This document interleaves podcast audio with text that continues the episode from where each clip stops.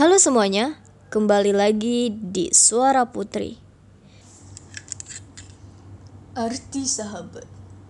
Mungkin aku bukanlah sahabat yang baik. Aku sering melupakanmu. Aku sering membuatmu merasa sedih. Aku sering tak memahamimu. Mungkin selama ini banyak bicaraku yang pedih Aku hanya manusia biasa yang banyak kekuranganku. Namun aku sering memanjatkan doa. Semoga Allah akan selalu melindungimu. Selalu menjagamu.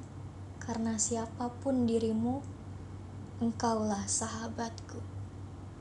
Diana. Lah, ini ditunjukkan pada siapa, Bu? Maksudnya, engkau adalah sahabatku karena siapa pun dirimu berarti kamu sahabatan sama siapa saja gitu.